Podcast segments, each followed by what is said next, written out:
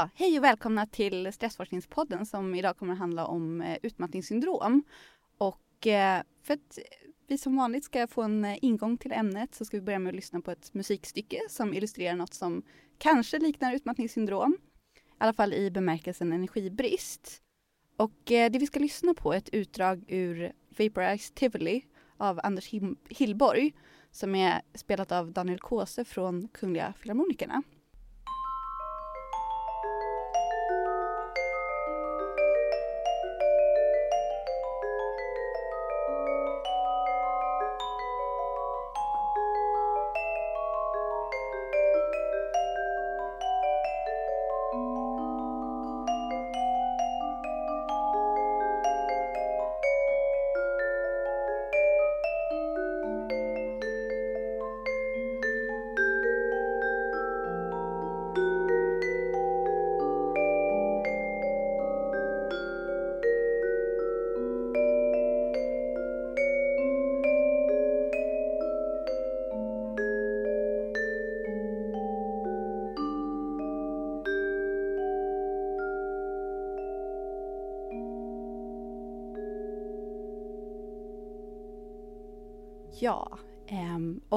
Det här stycket är ju som sagt skrivet av Anders Hillborg och ehm, Mats, du eh, träffade ju Anders Hillborg häromdagen och eh, intervjuade honom om, om den här musiken. Vi ska lyssna på din intervju med honom. Välkommen till Stressforskningspodden Anders Hillborg. Tack så mycket. Anders, kan du presentera dig själv? Det kan jag väl. Jag är kompositör Eh, jag sysslar mest med det som kallas eh, västerländsk modern konstmusik. Jag skriver mycket för orkester, men jag skriver för alla ljudkällor som finns faktiskt. Alla ljudkällor? Ja, men om man ska uttrycka sig så eh, öppet som möjligt. Jag menar, jag kan skriva för orkester, för röst, för skrapljud, vad som helst. Spännande. Vi har inte hört skrapljud utan vi har hört eh, Daniel Kåses fantastiska inspelning av ett av dina stycken, eller en del av ett av dina stycken. Kan du berätta vad det var vi hörde? Ja, det här stycket eh, det, det existerar också som separat stycke och då heter det Hal's Daisy. Och det heter det för att jag fick idén från en passage eh, i Stanley Kubricks film år 2001. Astronauten har kommit på att datorn håller på att bli galen. Eller datorn kör sitt race för att vad datorn anser är, eh, är relevant för att rädda eh, the mission, så att säga. Och han börjar då eh, steg för steg ta bort minneskorten i datorn. Och då protesterar datorn som heter HAL och säger Dave, don't do this. Och sen blir det långsammare och långsammare i och med att han förlorar mer och mer av sin hjärna. Och han försöker övertyga Dave, astronauten, då, om att inte göra sådär. Och så säger han, yeah, when I was young they taught me a song. Och så börjar han sjunga. Daisy, Daisy. Och så vidare. Långsammare och långsammare och långsammare. Och det var det jag ville gestalta i det här stycket för eh, eh vibrafon. Så att eh, invävt i strukturen så är Daisy Daisy den här melodin. Men den sjunker i tonhöjd hela tiden. Och den går långsammare och långsammare. Och det är inte helt självklart att man hör det. Eh, vilket jag inte visste när jag gjorde det här. Uh, ur perceptionssynpunkt är det här intressant. För att det visar sig att uh, människor med musikalisk bildning, det är de som aldrig hör det här. Eller nästan aldrig. Ja, det är väldigt märkligt. Det kanske du i din forskning kan uh, ta reda på. Jag har ett par andra stycken som heter Nursery Rhymes där jag har samma teknik. Jag har vävt in barnvisor och det visar sig att det är nästan ingen som hör det. Utom människor som betraktar sig som omusikaliska eller inte har någon bildning inom musik. Väldigt intressant. Intressant. Och eh, det här är ju då en slags gradvis avtagande funktion i datorn, HAL. Mm. Eh, in, kanske inte direkt energibrist, men det låter ju som energibrist tycker jag. Utan här är det då en slags förlust av eh, ja, jag ska inte säga hjärnkapacitet, men minnes, minne då. Ja. Minneskretsarna blir färre och färre eller urkopplade. Var du intresserad av just den aspekten med förlorad hjärnkapacitet? Eller vad var, varför valde du det här stycket att väva, att göra det till ett stycke? Det var, jag tyckte det var en kul idé. Att försöka gestalta det där. Och det är klart, om man pratar datorer, det är väl inte så där det går till. Det är väl ett eller noll, liksom, av Just eller på. det. Så att den där långsamma utdragna processen kanske inte egentligen är så nära verkligheten. Men det spelar ingen roll. Så att det var, ja, jag vill helt enkelt gestalta den processen. Och se om det blev hörbart, om det blev musik av det. Mm. Ja, och Sandra har ju tänkt att det här är en bra illustration också till utmattning, till energibrist och utmattningssyndrom. Just det. Och man skulle, det låter ju lite som att det är brist på energi som gör att det går långsammare och långsammare och att tonarten sjunker. Ungefär som ja, eh, batterin håller på att ta slut. Ja, ja visst. Det är det, är det ju. Vill du kommentera Daniel Kåses framförande av ditt stycke? Blir det som man tänker sig när man sitter där och komponerar? Berätta. Det vill jag gärna kommentera. Eh, för Daniel Kåse är en fenomenal musiker. Och eh, det kan jag säga att det här stycket, eh, Hal Stacey ingår i ett stycke som heter Vaporized Tivoli. Som är ett ensemblestycke och det, och det slutar med det här. Och det har spelats av, det här säger jag inte för att skryta, bara, bara för att ge perspektiv. Men det har spelats av Los Angeles Philharmonic, New York Philharmonic, Chicago Symphony, Ensemble Modern. Massa olika orkestrar. Och ingen har fixat det här. Eh, utom Daniel Kåse. Och detta har Stressforskningspodden fångat på, på band, Ja. så att säga. Just det. Så att vi har gjort en kulturgärning där, även, Ja. även att bevara eh, hans, just det här framförandet Ja. åtminstone. Nej, han är fantastisk, Ja. Daniel. Men då vill jag tacka dig Anders Kjellborg. Stort tack för att du var med i Stressforskningspodden. Tack ska du ha, det var väldigt kul.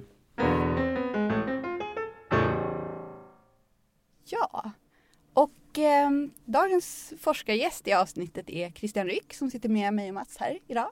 Hej Christian! Hej hej!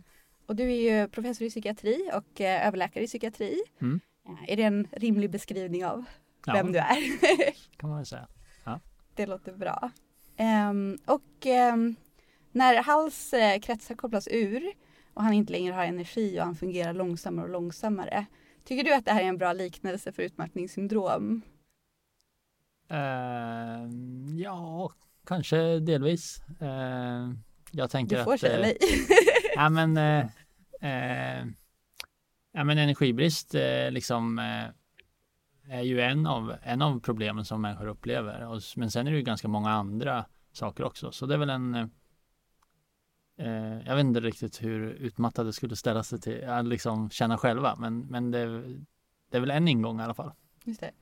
Kan du berätta om de här andra delarna så att alla som lyssnar bara vet vad vi Ja, pratar men om? jag, jag tänker mig att det är ju vanligt att man beskriver en rad olika kroppsliga, liksom att det här ändå skiljer sig från vad ska man kalla det, vanlig vardagströtthet ändå. Va? Det är dels att det är en väldigt djup trötthet eh, som ibland ka- kallas fatig då, och eh, eh, just den här energibristen men också att man upplever att något, man känner inte ri- riktigt igen sin kropp. Va? Det är något som är annorlunda. Man har kroppsliga symptom men också en känsla av att det är något som är fel va? som också involverar minne, kognition, förmågan att kunna fungera och sådär.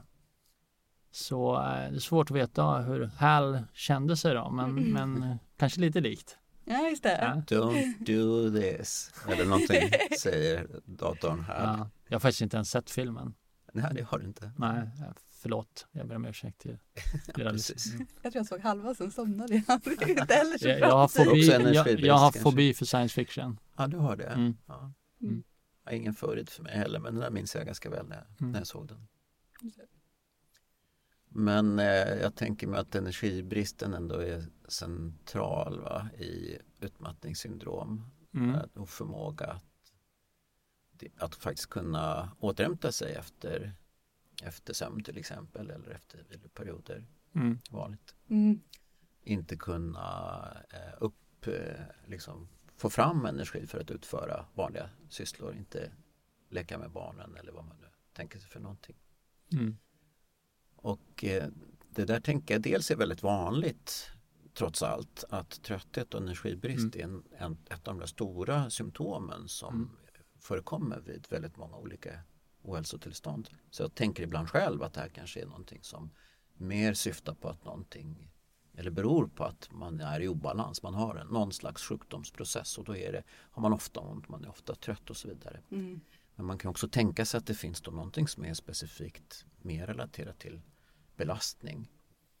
Och jag, jag undrar lite grann vad ni säger om den här analogin med trötta nerver. Jag uppfattar åtminstone från diskussionen som att det här är en, en bild för vad man föreställer sig har hänt. Man har tröttat ut systemet. Vad, vad, vad tycker ni, både Christian och Sandra, om den här metaforen?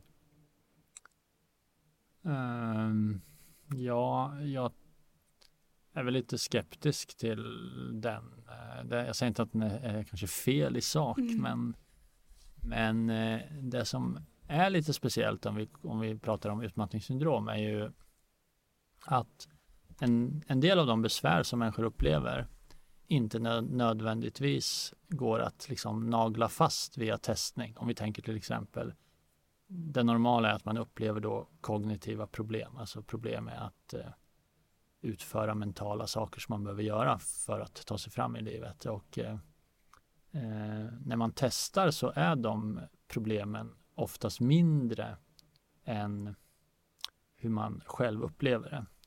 Så på så sätt tänker jag mig att en för, hur ska man säga, biologisk eller nervinriktad eh, förklaringsmodell kanske ibland också missar eh, andra faktorer, alltså eh, kontexten och individuella faktorer eller yttre faktorer också för den delen.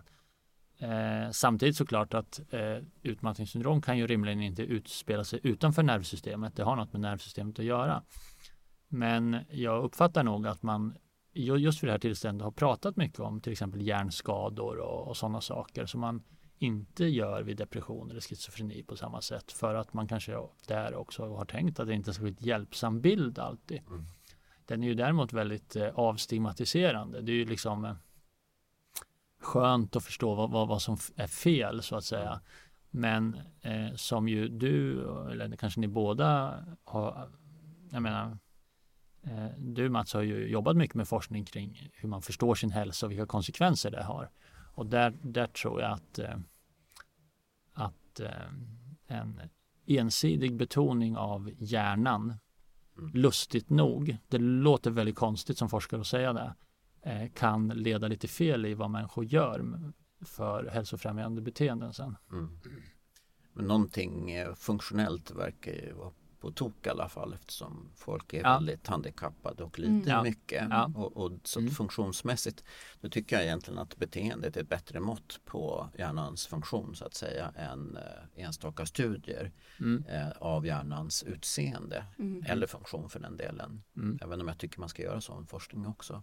Mm. Jag tycker överhuvudtaget det är konstigt det här med trötta nerver. Alltså, om man tänker alla andra kroppsdelar, det är inte som att så här, Visst, det är klart man kan få förslitningsskador i en muskel. Mm. Men, men det är fortfarande, vi har ju ändå överlag bilden av att muskeln, musklerna ska användas för att bli starkare och att man ska träna dem. Så det är också någonting, någonting mystiskt med det här att man, man eh, tröttar ut en del av organismen på ett sätt så att den sen blir dysfunktionell. Alltså, det är någonting med det där som jag inte får ihop bilden av heller om, om man ska tänka så. Ja. Och jag tror att eh, anledningen till att vi är så pass upphängda vid den typen av mått eller mekanismer, möjliga mekanismer, det är just att det här är ett stresssyndrom och där har inte emotionella aspekter till exempel allmänna beteendeförändringar haft så stor roll utan där har man mer tänkt i termer av aktivering och sen så slitage. Mm. Och eftersom det här är då eh, utlöst av långvarig stressbelastning. Då tänker man, ah, vilken kroppsdel är då sliten mm. så att säga. Och ett problem med det tycker jag är då att vi kanske utesluter andra typer av problem som jag gissar att, att vi också hittar hos personer som lider av utmattningssyndrom mm. som kanske är mer emotionella eller liknar andra psykiatriska ohälsotillstånd. Mm. Christian, du var inne på det där att trötthet det behöver inte vara, eller ni har båda sagt det, men trötthet behöver inte heller vara liksom direkt på grund av utmattningssyndrom. Det finns en massa andra anledningar till att man kan vara trött. Mm. Eh, och det för oss in lite grann på den här diagnosen Precis. tänker jag också. Eh, för du har ju din bok Olyckliga mm. i paradiset beskrivit mm. hur den här eh, diagnosen kom till i Sverige och vad som mm. gör Sverige lite unikt i det här sammanhanget. Och jag tänker att det kopplar till det här med varför trötthet är ju på något sätt någonting som man kan se i massa olika sammanhang. Kan inte du sammanfatta vad, vad du ja då, okay. säger alltså, i boken? Men, men först om jag bara kan kommentera det här med kopplingen till trötthet kan man ju säga då att eh, trötthet är ju förstås inte det enda symptomet som människor med utmattningssyndrom rapporterar utan det är ju det kan ju lätt låta liksom eh, banalt när man säger trötthet så och det är bara viktigt att betona då att personer med utmattningssyndrom har ofta liksom mycket, mycket mer omfattande svårigheter än vardags vanlig trötthet. För vanlig trötthet är ju väldigt vanligt i befolkningen. Alltså det ingår ju som ett vanligt symptom hos friska personer också som rapporterar det och sen finns det en massa tillstånd. Okej, okay, men, men till din fråga då, hur, hur gick det till då? Och eh, den då, då är det väl, alltså, och då menar jag inte att jag försöker beskriva egentligen hur det jag försöker beskriva är hur diagnosen utmattningssyndrom kom till och den diagnosen finns ju än så länge bara i Sverige. Då. Och då var det så att sjukskrivningen i slutet av 90-talet ökade. Eh, en forskare som heter Åke Nygren på Karolinska institutet, han hade då en eh, databas över sjukskrivningar. Det var hans forskningsområde. Och där såg man att eh, sjukskrivningen för depression ökade. Och i allmänhet är det ju så att eh, psykiatriska diagnoser kan ju öka och minska. Men oftast beror sådana saker mer på att vi till exempel har börjat diagnostisera ADHD snarare än att vi tror att ADHD har blivit vanligare. Alltså, vi tänker oss ändå att de flesta psykiatriska tillstånd är ungefär lika vanliga 2022 som 2018, att det inte sker så dramatiska förändringar. Så det här stack ut lite grann. Då. Och då, då gick han till en professor i psykiatri som är, var och är mycket känd som heter Marie Åsberg. Och eh, de kom att intressera sig för det här och intervjuade då bland annat en, en stor grupp av sjukskrivna tjänstemän i en studie. Och eh, uppfattningen som, som, som de fick var att det här är inte riktigt depression utan det är något, något annat som sticker ut här.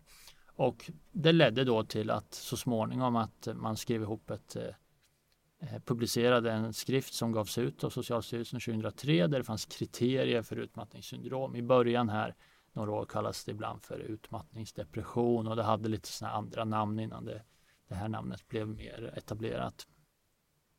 Och eh, sen 2005 så blev det då en officiell diagnos. Officiell diagnos innebär att du får en kod i ett system som heter ICD som vi i sjukvården använder för att klassificera sjukdomar som då Världshälsoorganisationen står bakom. Eh, och det finns ibland nationella koder där. Det finns till exempel koder för hjärtinfarkt i USA som vi inte använder i Sverige och så. Men man kan nog säga att det är ovanligt, eller jag känner i alla fall inte till något annat exempel där det finns en, en hel diagnos som är vanlig i ett land som saknas internationellt. Mm. Eh, det är ju det som är det jag vet inte om ordet sensationell eh, låter kanske lite fel här men det, det är något lite dramatiskt i att Sverige nu har en diagnos som på de här åren sedan 2005 har blivit den enskilt vanligaste sjukskrivningsdiagnosen i Sverige.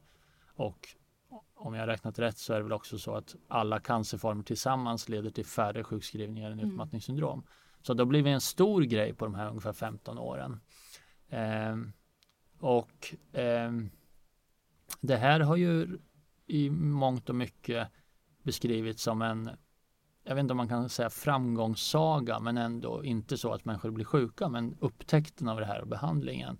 Och det är väl där jag undrar om det verkligen är så. Alltså eh, finns det skäl att säga att det här, de här besvären formulerade i den här diagnosen har gjort det bättre för människor? Och mm. är, är, är liksom många av de här besvären liknar redan existerande diagnoser så är det då en bra idé att skapa en ny diagnos eller inte. Mm. Och det beror egentligen på hur det går för patienterna. Eh, om de, om, eh, ibland hit, skapar man nya diagnoser och ger dem oftast då en speciell ny behandling kanske. Det är kanske så man upptäcker behovet av en ny diagnos eller förstår att den är annorlunda än de andra.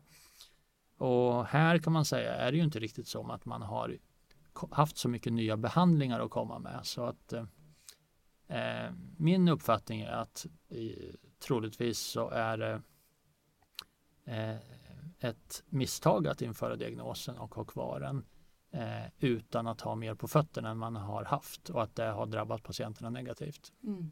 Mm. Vad är risken om du skulle sammanfatta detta för lyssnarna med att man inte har en vetenskapligt utprövad och beforskad diagnos? Ja, och, och då får man väl säga ändå att åsikterna går isär om den är, i vilken grad den är vetenskapligt säker så att säga, det vi kallar validitet. Då. Det finns andra som tycker att den här har tillräcklig validitet, eh, där jag inte håller med om det. Då.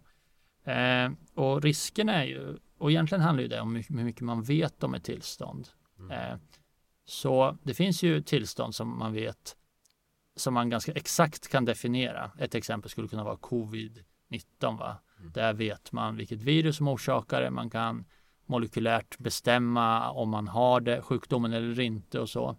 Så där har man ett, ett tydligt test och vid psykiatriska tillstånd i allmänhet har vi inte den typen av tester. Vi kan inte ta ett blodprov och säga att du har helt säkert schizofreni.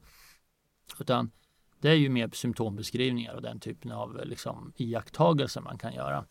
Eh, så att alla psykiatriska diagnoser har lite svårigheter med att säga att det är exakt rätt box vi har stoppat patienten i och den boxen kommer se likadan ut om hundra år. Mm. Eh, det är snarare så att det är ganska troligt att det kommer förändras över tid hur vi ser på det här när vi gör nya vetenskapliga framsteg eller tar fram nya behandlingar eller vad det nu kan vara. Eh, och så problemen som patienterna tänker jag mig hamnar i handlar ju om att det är lite oklart hur man ska tänka kring tillståndet vad det gäller prognos, vad det gäller vad som är rätt att göra som patient så att säga. Inte bara vilken behandling man ska gå i utan hur man ska förhålla sig till det hela. Ska jag undvika saker och vila eller ska jag vara aktiv? Ska jag sporta eller inte sporta och så vidare. Det är ju ofta den typen av kunskap som vi kanske har skapat oss på lite olika sätt över årtionden eller århundraden kring vad som är rimligt att göra om man har en reumatisk sjukdom eller depression eller vad man nu har va? så kan man få lite råd som förhoppningsvis stämmer.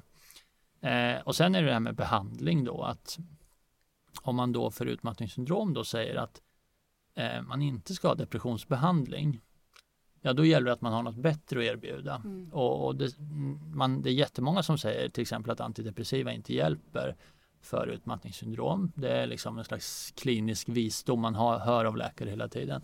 Men det finns till exempel ingen studie då som visar att det är så. Så det finns rätt så mycket risker som jag tänker mig att patienten utsätts för som eh, patienter i andra länder inte på samma sätt utsätts för. Samtidigt är det förstås så att det finns symptom och grupper av symptom och problem som ibland är svårklassificerade. Det är inte så att alla patienter passar perfekt in i de boxar vi redan har. Så att man försöker utveckla det är rimligt. Men, men det är egentligen problemen, tänker jag mig. Det här är inte ett, ett problem för eller åtminstone inte bara ett akademiskt problem som handlar om vem har rätt och, och liksom hur, hur, hur är den bästa vetenskapliga synen på det här utan det handlar nog egentligen mest om de problem som patienterna riskerar att hamna i och idag redan hamnar i, tänker jag mig. Om man tänker ett annat likvärdigt land liksom i, i andra avseenden med ett likvärdigt sjukvårdssystem och sådär. Mm. Eh, hur stor del av, an, av de patienterna som i Sverige får utmattningssyndromdiagnosen hamnar i vilken eh, annan diagnoskategori så att säga? Mm. Eh, det vet faktiskt inte jag svaret på. Jag vet inte om Mats vet det. det jag vet inte. Vi, och för lyssnarna kan vi säga att vi har diskuterat liknande forskning eller behovet mm. av att göra den typen mm. av forskning. För man skulle ju tro att många får en depressionsdiagnos. Ja. Men det är svårt att veta hur mm. många. Nej men verkligen och jag tycker det är, det är väldigt en viktig poäng och för att jag tänker mig att kroniskt trötthetssyndrom är också Eh, ett tillstånd där man har den här extremt eh, handikappande mm. tröttheten. Men det finns ytterligare andra som primär immunbrist som mm. har, där, där också är, är tröttheten är central och mm. icke återhämtande sömn. Mm. Och det finns säkert ett flertal andra. Cancer, mm. neurologiska ja. sjukdomar kan ja. ha det också, svår fatig. Liksom. Ja, ja. infektionsutlösta, alltså post-covid mm, är, väl, är väl ett exempel. Har någon av er eh, ett exempel på när en bättre klassificering av ett sjukdomstillstånd inom psykiatrin har eh, hjälpt patienterna, alltså där behandlingen då har kunnat bli mer specifik och patienten har haft nytta av en tydligare klassificering och diagnos. Men jag, jag kommer att tänka på just de här patienterna som eh, har psykotiska symptom mm. och där jag har haft några sådana exempel på avdelningarna här där Eh, på Huddinge sjukhus Precis, på Huddinge sjukhus på, mm. på psykiatrin. Där patienterna har kommit in med någonting som har först bedömts som en, en primär psykos eller att man har haft misstanke om schizofreni och så har patienterna fått antipsykotisk behandling. Och sen när man börjar gräva i det så visar det sig att de egentligen är deprimerade men har psykotiska symptom som följd av depressionen och så behandlar man depressionen istället. Och de psykotiska symptomen eh, försvinner med, med den eller minskar med den. Och att där är det, där är ju de tillstånden är ju livs livshotande. Så där är det ju jätteviktigt att man har rätt diagnos. Mm. Ja, jag, jag, skulle säga det finns väl flera exempel. Men ett, ett väldigt stort exempel är ju neuropsykiatriska funktionsvariationer eh, eller hinder som ADHD och autism va, som ju knappt ställdes alls de diagnoserna för 20-30 år sedan. Var superovanliga och Eh, man lärde sig ingenting om dem på läkarutbildningen. Under min specialiseringstjänstgöring lärde mig i stort sett ingenting om dem heller. Så att, att vi nu ger många människor till exempel ADHD-medicinering kan man ju se då på befolkningsnivå eh, skyddar mot eh, eh trafikolyckor, våldsbrott och liknande. Va? Så att både för individerna tror jag, för många av dem har stor nytta av det, men också att på, på liksom, eh, befolkningsnivå positiva effekter av det.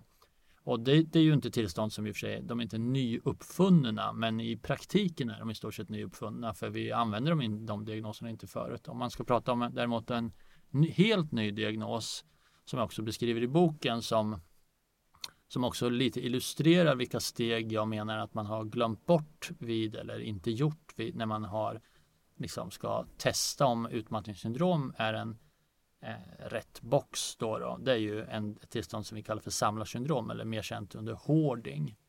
Så hoarding är ju då ett tillstånd där man har massor med saker hemma som belamrar hemmet. Det går inte att sova i sängen längre och gå på toan för det är massor med grejer där och man kan inte kasta dem fast andra tycker att man bara samlar på massa skräp. Eh, och, och, många har sett det här på tv. Det är liksom väldigt spektakulärt att se. Va? Och det betraktar man för kanske tio år och längre tillbaka sågs det som en slags OCD, alltså tvångssyndrom. Och sen så gjordes det diverse olika studier som visade att människor med, som hade de här problemen, hoarding då, de hade oftast inte tvångstankar eller typiska saker som människor med OCD hade och typiskt människor med OCD hade inte hoarding.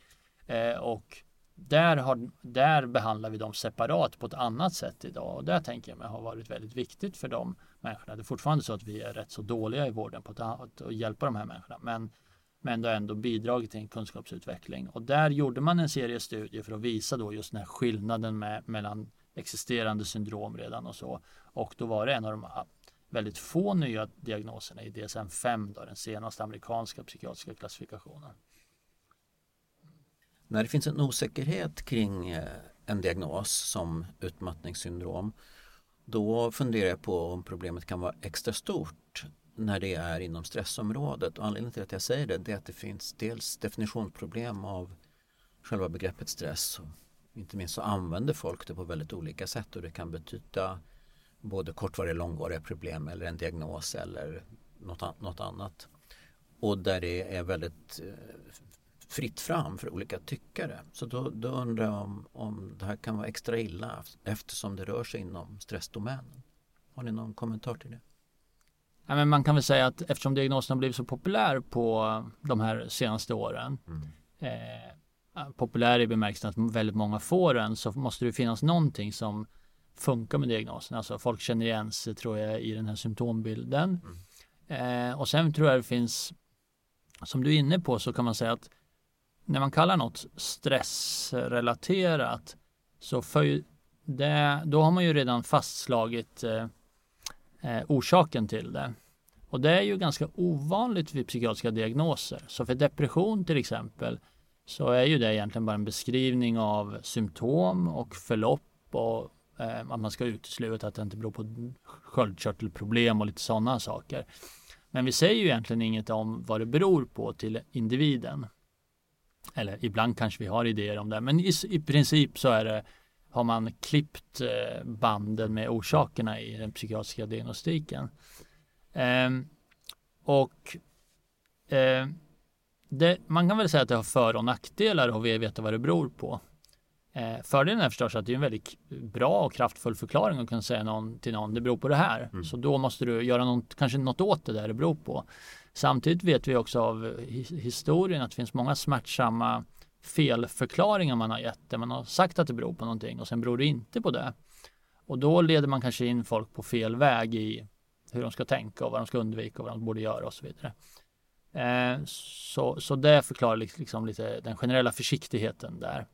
Och eh, det är väl en av liksom, utmaningarna här att eh, vid utmattningssyndrom ska ju stressorn vara identifierbar. Alltså man ska kunna säga det beror på det här. Mm. Eh, och i praktiken går det bara till så att patienten säger att eh, jag, min arbetsplats är si och så.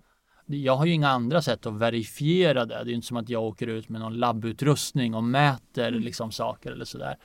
Eh, och eh, eh så på något sätt för, tror jag, utmattningssyndrom för oss in på en massa politiska svåra frågor. En är liksom orsaker. Alltså, beror det på mig eller omgivningen om man uttrycker sig extremt dikotomt? Eh, och där tror jag att en förklaring som är att det är ett problem med omgivningen som drabbar mig är en väldigt icke stigma, en liksom avstigmatiserande förklaring som är lätt att ta till sig och i någon mening är liksom tilltalande. Eh, och jag, jag, skulle säga att, att det vore fel att säga att, eh, att den förklaringen tänker jag i allmänhet är fel och förklaringen att det bara beror på individfaktorer också fel. Och man måste komma ihåg att det här är en interaktion mellan individen och omgivningen och där är det svåra, tänker man att det blir en, liksom, två, två läger här där då eh, utmattningssyndromdiagnosen blir på något sätt en diagnos som står upp för individen mot samhällets press. Va? Precis, för det kan man ändå säga har varit ett problem inom stressforskningen och de kliniska uttrycken för stressbelastning det är ju att man har individualiserat problem som inte nödvändigtvis eh, beror på individen. Mm. Mm. Exakt, så, så det kan gå åt båda mm. håll ja, tänker jag mig. Ja. Och sen tror jag den andra politiska dimensionen här är liksom en annan sak där, där jag gissar att Sverige som ofta går lite före i tid, det är liksom det här med är människor är människors känslighet förändrad över tid? Alltså eh, hur kommer det sig att vi i Sverige har det här där vi ändå jämfört med vissa andra länder åtminstone har en, en bra arbetsmiljö? Eh, och, och då kommer man ju in, alltså idén, eh, det här handlar ju om liksom blir blir man i en tryggare och säkrare miljö mer känslig för stressorer. Eh, Medan om man måste slava på, ett, i, på fältet som bonde för hundra år sedan så eh, gjorde det att vissa mindre eller eh, andra typer av svårigheter inte kom upp till ytan så att säga. Va? Och det för oss in i en annan liksom, svår politisk dimension som handlar om det här med snöflingor, snowflakes och ska folk bara rycka upp sig? Vems liksom ansvar och liksom agenda är det som, som ligger bakom det här och så. Så på så sätt tänker man att det här är en diagnos som går in i väldigt många intressanta samhällsfrågor också. Mm. På ett, eh, tror jag tyvärr, svårt sätt. För det gör att ha en rimlig diskussion om det här riskerar att kantra ganska snabbt. Och det är det som jag tror att eh, gör att många journalister och andra verkar ganska försiktiga eller rädda för att prata om diagnosens validitet. Alltså problemen som finns med den här diagnosen mm. har liksom inte hur ska jag säga, blivit en stor nyhet. Fast det är en så otroligt vanlig diagnos, den finns inte i andra länder, blivit vanligare sjukskrivningsorsak än all cancer. Alla de sakerna är ju liksom stora grejer. Men jag tror att eh, det kan uppstå en känsla av att man trampar på människor som redan är väldigt utsatta genom att diskutera frågan om en diagnos korrekthet eller validitet. Och det jag tänker att det det leder till är att de patienterna får ännu svårare för vi vet för lite, vi har för lite behandling. Vi erbjuder dem saker idag som inte är bra, till mm. exempel mm. inom vårdvalet i Stockholm där man ju erbjuder dem saker som har i stort sett ingen evidens. Vilket ju kan, skulle vara... kan du förklara vad vårdval är? Ja, så, så vårdval är en, en form av sjukvård som är väldigt stor i Region Stockholm men också finns i andra delar av Sverige där patienter själva då kan välja att gå till vårdgivare och de vårdgivarna så länge de fyller liksom krav för att bedriva den vården kan man öppna en sån, eh, ja, ett sånt företag som erbjuder den vården enligt specificerade eh, krav på vad man borde erbjuda. Och eh, det är oftast, i alla fall i Stockholm, är det så att det finns inget direkt, ingen budget du behöver förhålla dig till utan har du fler patienter får du mer betalt och så. En väldigt avundsvärd situation tycker vi som jobbar inom offentligt finansierad psykiatri. Eh, men, och då är svårigheten då i Stockholm, tänker jag mig, i det här vårdvalet att det man erbjuder patienterna och det är tusentals patienter som går där, det vet man egentligen inte om det funkar. Mm. Och det tänker man, det är det som är liksom nyckeln till det här. Va? Att medelålders män som får hjärtinfarkt, de får jättebra ballongsprängningar eh, liksom, sprängningar i hela Sverige på samma sätt överallt. Va? Det finns hög jämn kvalitet, man vet att det funkar. Eh, och det gör då att eh, det och andra saker gör att eh, dödligheten i hjärtinfarkt har halverats på 15 år. Och liksom här så, så får folk lite allt möjligt som kanske funkar, kanske inte funkar. Och de är ganska allvarligt sjuka, de är långvarigt sjuka. Det tänker mig är en oacceptabel situation. Så ett annat sätt att ställa sig på de lidandes sida det är faktiskt oroa sig för pålitlighet, reliabilitet i, i diagnossättandet och i vad det är man mäter med diagnosen, det vill säga validitet. Ja. Eller hur? Medan din oro är att man kanske från medias håll då har undvikit att ifrågasätta diagnosens giltighet därför att det är, ja. kan uppfattas som ifrågasättande ur lidande perspektiv. Ja. Och sen tror jag den här frågan om diagnosers validitet, den är ganska det var en läkare som sa till mig 100% av befolkningen fattar inte vad du pratar om och 50% av läkare fattar inte vad du pratar om. Så att eh, ja, det kan inte riktigt matematiskt gå ihop den ekvationen. Men, men, men, eh, men det är klart att, att, att, att, att för de flesta människor tror jag bara så här att man aldrig reflekterat över att diagnoser kan vara lite olika säkra så att säga. Va? Och eh, jag, tror också det att såklart alla kan ju känna igen sig, eller många kan åtminstone känna igen sig i de här symptomen. Och symptomen är ju äkta. Det är ju inte som att jag menar att symptomen skulle vara påhittade. Och, och då, då, tror jag folk redan känner att det finns en så att säga face validity där, va? Mm. en upplevd validitet. Eh, och sen tror jag såklart att för, för gemene man det här hur symptom sätts ihop till att bli ett syndrom som är en diagnos och vad det betyder, det är lite ska säga, överkurs. Även om jag uppfattar att väldigt många tycker det är ganska intressant när man visar liksom bilder på hur det kan vara olika. Men, men det, det är kanske ingen eh, kioskvältare mm. i första hand. Så. Jag tänker att det hänger ihop och det är kanske också en minerad fråga men, men det här vilken vårdnivå patienterna behandlas mm. inom. För att det här är en diagnos som mest sätts inom primärvården. Mm. Eh, Medan ballongsprängningar görs av så kallade fina specialister ja. på sjukhus. Eller har du någon, någon uh, tanke kring det där? Det, jag menar, det här är ju en diagnos som framförallt drabbar kvinnor och eh, det, det, är ju för sig inte så att det här bara drabbar eh, resurssvaga nej, personer nej, så att säga.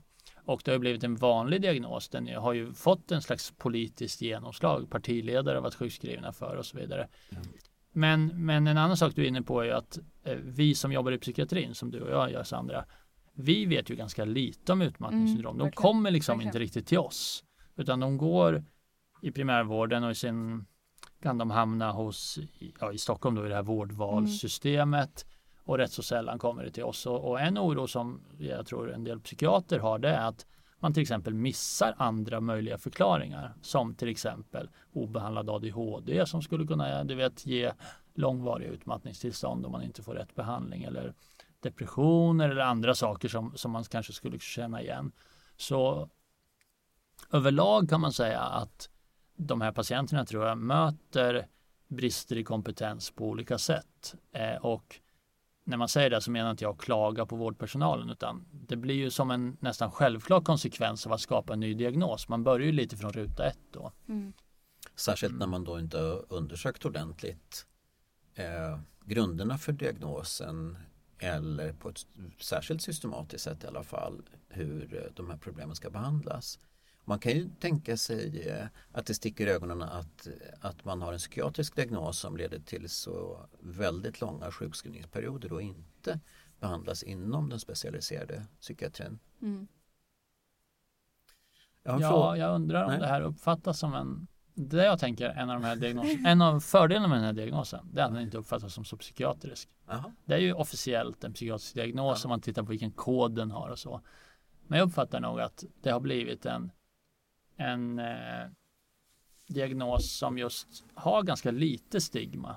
Man kan säga att man har utmattningssyndrom och det är ingen big deal. Men att säga att man har Nej. depression en lite större deal. Lite Mm. värre. Och säga att man har schizofreni, som ju förstås inte alls är likt det här. Det, det är extremt stigma kring det. Va? Så att det, det, det tror jag att en av eh, anledningarna till den här diagnosen har sånt genomslag och kanske för ofta har ersatt till exempel depression Mm. är att eh, den är mycket mer attraktiv som diagnos. Jag menar inte attraktiv att man skulle älska och ha den så, men i alla fall den är förknippad med många saker som är mycket bättre. Ja, jag menar, Mm. vid depression då har man väl ganska diffusa uppfattningar om, om vad som orsakar depressionen. Eh, I många fall gissar jag det i alla fall. Medan om man har- med en förklaringsmodell där man har arbetat för mycket och kanske varit väldigt ambitiös och perfektionistisk som åtminstone Mm. är en bild som ofta ges Mm. och som vi tror oss möta. Mm. Jag tror att man i vården möter eh, den uppfattningen hos personer också som drabbas att de har varit för perfektionistiska, inte lyssnat på kroppen och så vidare. Det är lite så där att man har någon slags eh, sisu eller någonting liknande. Mm. Pärgrävarmentalitet som man säger där uppe i Norrland. Då, att man är sjuk men nog ska man ut och gräva potatis. Liksom. Mm. Så att det kan jag förstå att, att den är attraktiv som förklaringsmodell Mm. på det sättet.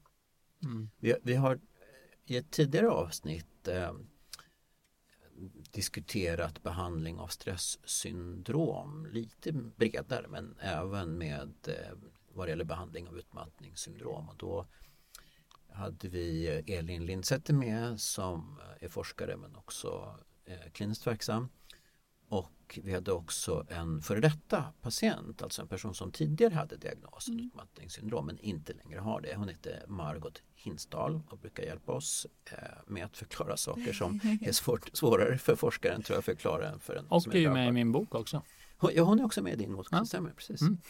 Eh, och hon beskrev ju då när, eh, att hon hade kört på, hon var förälskad i stressreaktionen. Därför att hon fick energi, hon var superwoman och hon körde på, körde på, klarade allting. Tills hon en dag inte kunde det längre. Då kunde hon leka med sina barn i några minuter. Eh, det gick inte mera. Och om vi, om vi tar henne som utgångspunkt då, att hon är så drabbad så att hon inte klarar av ens de viktigaste sysslorna. Då måste man väl vara sjukskriven. Och anledningen till att jag frågar det här det är då att man vid, eh, vid utmattningssyndrom då har väldigt långa sjukskrivningsperioder. Ofta, och det finns också rekommendationer om långa sjukskrivningsperioder. Medan man vid depression, som vi tror i viss mån liknar utmattningssyndrom, eh, då har rekommendationer om korta sjukskrivningstider. Stämmer den här bilden om sjukskrivning? Jag kan utveckla det. Varför stämmer att man ska undvika långa sjukskrivningar vid depression? Och varför i så fall? Ja, men vi tror ju att det är viktigt att man eh, liksom aktiverar olika typer av beteenden, inte bara och, och jag menar det är klart det är rimligt att vara sjukskriven under en period som deprimerad också om man är djupt deprimerad och inte klarar av att göra sitt Mm. jobb. Mm. Men eh, en del av behandlingen är ju också att på något sätt få tillbaks en del rutiner. Så att jag, jag har inte riktigt förstått, om jag ska vara ärlig, den där rekommendationen kring utmattningssyndrom. För jag hade nog tänkt att det skulle vara på ett liknande sätt.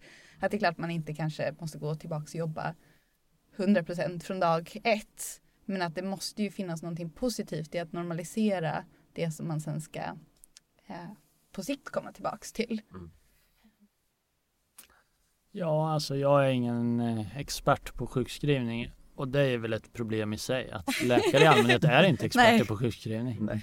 Eh, det, det är ju sjuk, sjukskrivning i vid enklare fall som jag bryter armen, då kan man veta på fyra veckor, sex veckor läker armen och sen kan du gå till en sjukgymnast och sen kan du börja ja, om du behöver använda din hand i jobbet eller hur det är. Liksom, det, det är förutsägbart och liksom rätt, rätt så transparent och så.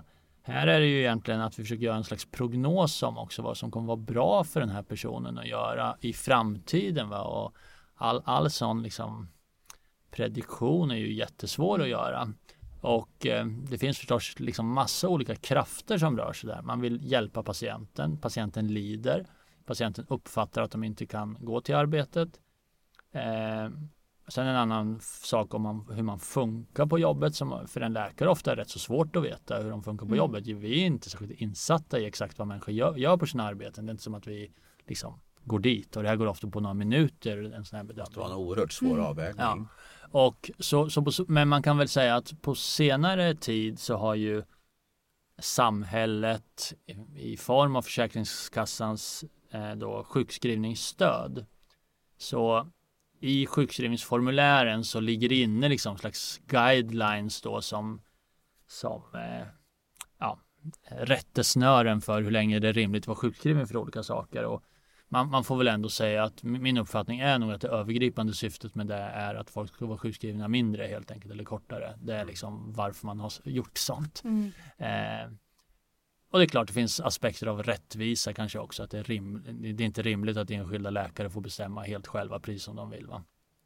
Eh, och och det är som Sandra säger, det finns här, såklart idéer om att i allmänhet är undvikande av saker problematiskt leder ofta till sekundära andra problem. Och sen träffar vi förstås människor, de är så himla ner eller sjuka att det, är helt, det verkar helt orimligt att man kan jobba. Man, man, man kommer inte upp ur sängen, man, man, kan inte gå typ. Va? Ja, svårt att jobba då. Ehm, och sen finns det många andra patienter där det är lite mer svårbedömt om man skulle ha nytta av att jobba så att säga om det, om det skulle faktiskt vara bra eller dåligt och de här aspekterna av återhämtning och aktivitet är svårbedömda. Och man kan väl också säga att det finns då eh, som du säger depression, strängare riktlinjer och utmattningssyndrom. Jag skulle inte säga att Försäkringskassan uppmanar en att sjukskriva folk länge, men att det finns utrymme för det. Och, Socialstyrelsen har väl rekommendationer som pekar mot långa sjukskrivningar? Ja, det kanske de har. Men, men det är kanske ändå inte så att liksom, när du går in i sjukskrivningen att, det liksom, att den hetsar dig till långa sjukskrivningar riktigt. Men, men det är väl det är flera distriktsläkare som har sagt till mig så här att den enda diagnosen som tillåter långa sjukskrivningar är utmattningssyndrom. Så om, om man uppfattar att patienten faktiskt behöver vara sjukskriven av psykiatriska skäl, låt säga att det är depression eller vad det nu är, då vet man, sätter jag ner diagnosen kommer inte gå igenom. Så då, så liksom det här kan ju också styra diagnostiken lite grann, att det finns liksom en öppning så att säga och då väljer man den mer eller mindre aktivt. Va? Pratar du om läkaren eller patienten? Eh, läkaren i första hand tror jag, för patienterna kanske inte är så medvetna om hur det här är i början i alla fall. Sen kanske man eh, förstår det av olika, olika skäl. Mm. Och, och, eftersom diagnoserna är så lika så är det kanske inget man ligger sömnlös över heller. Va? Eh, så, och sen vad som är bra här eller inte, det är väl ganska oklart. Mm. I allmänhet så, så, så tror jag även försäkringsmedicinska forskare liksom är skeptiska till alltså att långvarig sjukskrivning associerat med massa negativa saker. Så är det ju. Å andra sidan finns det ju, är det ju inte att man har lottat folk till olika grader av sjukskrivning. Så det är svårt att veta vad som orsakar vad. Eh, men men eh, ja, det, det, finns en skepsis mot långa sjukskrivningar i forskarsamhället. Det kan man ju absolut säga. Mm.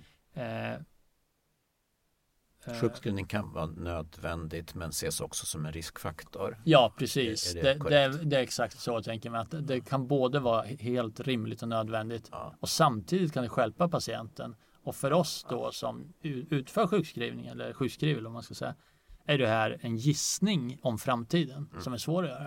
Mm. Och där skulle ni få hjälp då om man hade bättre stöd för diagnosens giltighet.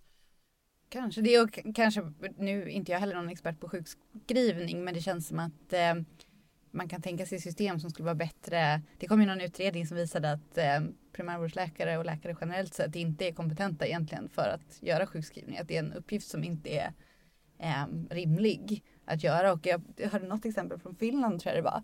Där det är särskilda försäkringsmedicinläkare som tar över alla sjukskrivningar efter typ fyra veckor eller något i den stilen.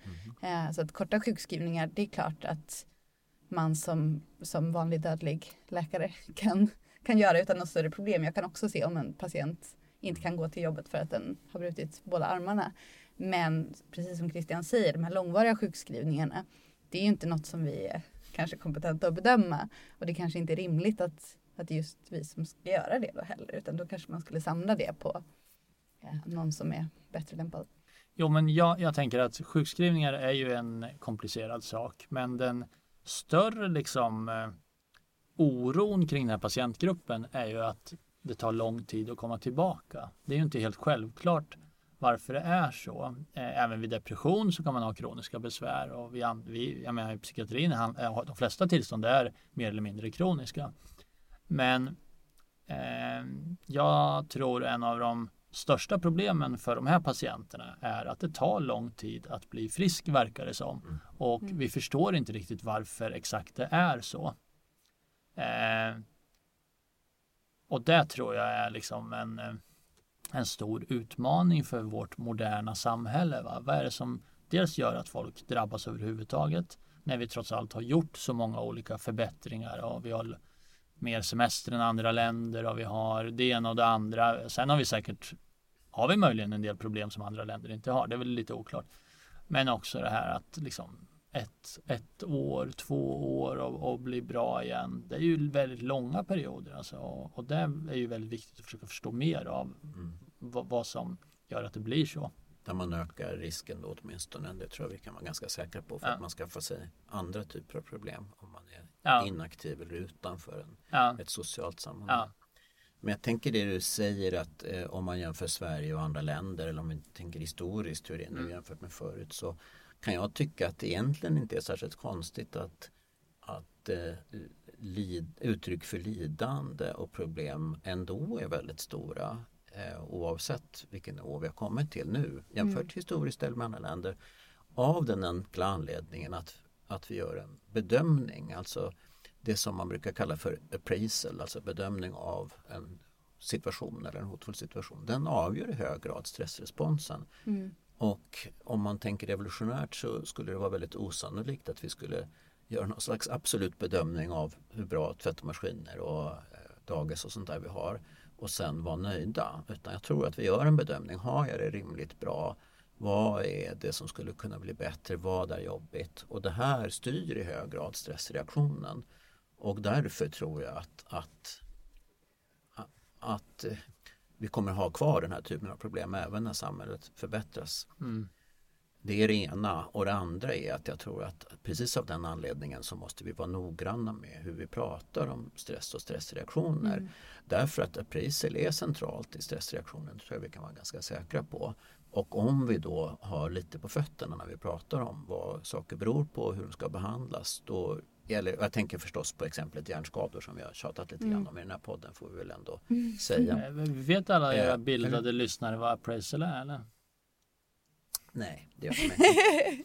Det tror jag inte utan det är då helt enkelt en bedömning man gör av eh, framförallt ett stimulus då som, som är en stressor, alltså det som orsakar en stressreaktion. Och jag kan säga då, vi har, vi har nämnt det tidigare men om jag sammanfattar det så tidigt i stressforskningen så tittade man mycket på en viss typ av hot, en viss typ av händelse och så en reaktion till det. Och sen började man uppmärksamma att både djur, det gick att göra jättebra djurexperiment på det, och människor, eh, deras stressreaktioner i förhållande till det här stimulit, det avgörs i hög grad av bedömning, alltså upplevd kontroll är en sån mm. faktor som spelar väldigt stor roll. Så att om man liksom lär sig, man slår av stressreaktionen om man lär sig eller om man fortsätter ha en aktiv stressrespons och sånt. Det beror inte så mycket på den här appraisal-bedömningen.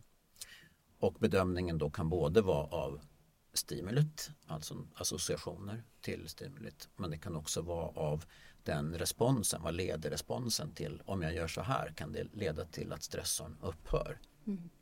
Så det var en, en sammanfattande ett litet föredrag från Wikipedia. Ja, men det där är ju jätteintressant va? för att eh, ja, men det här är något som jag eh, skriver om i min bok. Jag borde haft med det där för det var väldigt bra. Eh, att mm, om du gör en upp, upp, upplaga. Jag har ja. själv lyckats eh, mm. få ihop de där trådarna lite bättre på sistone. Så att om du gör en ny upplaga kan jag uttala mig. Okay, okay, bra. Nej men att eh, för det är ju såklart en, en jätteutmaning för vårt moderna liksom progressiva rika samhälle varför vad vi ibland kallar då psykisk ohälsa, ett ord jag avråder användningen av. Men, men, Som jag gillar lite, men okay, ja, men liksom eh, när samhället blir bättre på olika sätt, rikare, mer assistans av samhället och så vidare, så verkar ju inte depression, ångest och så vidare gå ner. Eh, Och det är ju en jätteutmaning för samhället. För mycket av det vi gör är ju att försöka bygga bort eh, den typen av svårigheter för människor. Eh, och de svårigheterna är ju jättejobbiga såklart. Och, och, och det du är inne på eh, är ju att eh, vi behöver räkna med att det här blir kvar lite mm, grann. Mm, ja, och att eh, eh, och det, då kommer man ju tillbaka till den här eh, som vi pratade lite om med politik, va? det här med känslighet och graden av problem i samhället. Va? Alltså att en, ett säkrare samhälle eh, där, du, där det finns mindre trauma och så kan göra då, an, om, hypotetiskt i alla fall, att individernas känslighet för trauma ökar till exempel. Va? Så att, att, yeah. att det blir ett slags nollsummespel, kanske fel ord här, men, men ändå liksom sådär att eh, eh Sverige behöver nog rusta sig för att det här kommer bli den absolut dominerande hälsoutmaningen i framtiden om det inte redan är det. Vi har liksom, vi, vi kan säkert öka överlevnaden av cancer, vi gör det för hjärt-kärlsjukdom redan. Många andra hälsoproblem inte lösta, men vi, vi, vi är rätt så bra på dem. Eh, och det här problemet riskerar att bli värre och värre, tänker jag mig. Det är det som är den svåra grejen här. Mm mer forskning behövs, som man brukar säga. ja. När går bussen? Jag vet det, mm. mer forskning behövs. Ett gammalt blandade skämt. Ja, vi börjar närma oss slutet på det här avsnittet men innan det så tänkte jag fråga dig Christian eh, som en liten avslutande fråga. Om du eh, efter den här poddens sändning då skulle få en en eh, surprise donation på 50 miljoner kronor för forskning om utmattningssyndrom. Ja, men eller hur? och du behöver inte skriva ansökan ah, wow. innan. Vad skulle du göra med pengarna? Uh, ja, jag tänker att man, eller vi då skulle göra en serie studier för att försöka komma åt just det här med validitet, det är ordet vi använt flera gånger här idag. Uh, där vi skulle behöva undersöka människor eh, och förstå hur man bäst, eh, vilken box, diagnostisk box de bäst skulle passa i. Och då tror jag man skulle behöva titta bredare än bara titta på människor med utmattningssyndrom. Mm. För de påverkas ju, problemet när man undersöker dem är att de redan påverkas av, av konceptet mm. att ha utmattningssyndrom så att säga. Eh, och exakt vilka studier det skulle vara kan jag inte säga sådär 1, 2, 3, 4. Men eh, det gör mig verkligen, apropå den här frågan, rätt så beklämd att man inte gör den här satsningen. Alltså eh, kostnaden för det här tillståndet i Sverige är ju många miljarder ja. per år. Det är ett otroligt personligt lidande för de drabbade och deras anhöriga. Och samtidigt så har man inte gjort någon forskningssatsning för att etablera en sån här diagnos. För egentligen är det så att om man skulle satsa 50 miljoner då skulle vi efter det nog kunna säga bu eller bä, ska vi ha kvar diagnosen? Mm. Mm. Och nu är vi i en situation där många gillar diagnosen. Några forskare ifrågasätter den och man riskerar att diagnosen blir till sist too big to fail. Mm. Alltså den har blivit så vanlig så det går inte att avskaffa den längre fast den kanske inte är bra för människor. Mm. Så att eh, jag uppmuntrar alla som lyssnar att eh, eh, påverka viktiga människor att donera pengar till den här typen av forskning. För det, det, skulle vara en sån otrolig besparing för samhället och människorna som lever i det. Man kanske skulle ha ett 2 mål eller 1 mål för en viss typ av utgifter som borde gå till forskning. Ja, men, men det som är, alla forskare tycker att det de gör mm. behöver mer pengar, men det som är unikt här är ju att det är en ny diagnos mm. där man vet så lite som har blivit jättevanlig. Och att då inte liksom snabbt försöka ta reda på mer mm. är verkligen att bädda eh, för eh, värre problem i framtiden. Jag håller med, kloka slutord och då säger jag tack till dig Christian Ryck för att du mm. var med i Stressforskningspodden och tack Sandra. Ja, tack själv.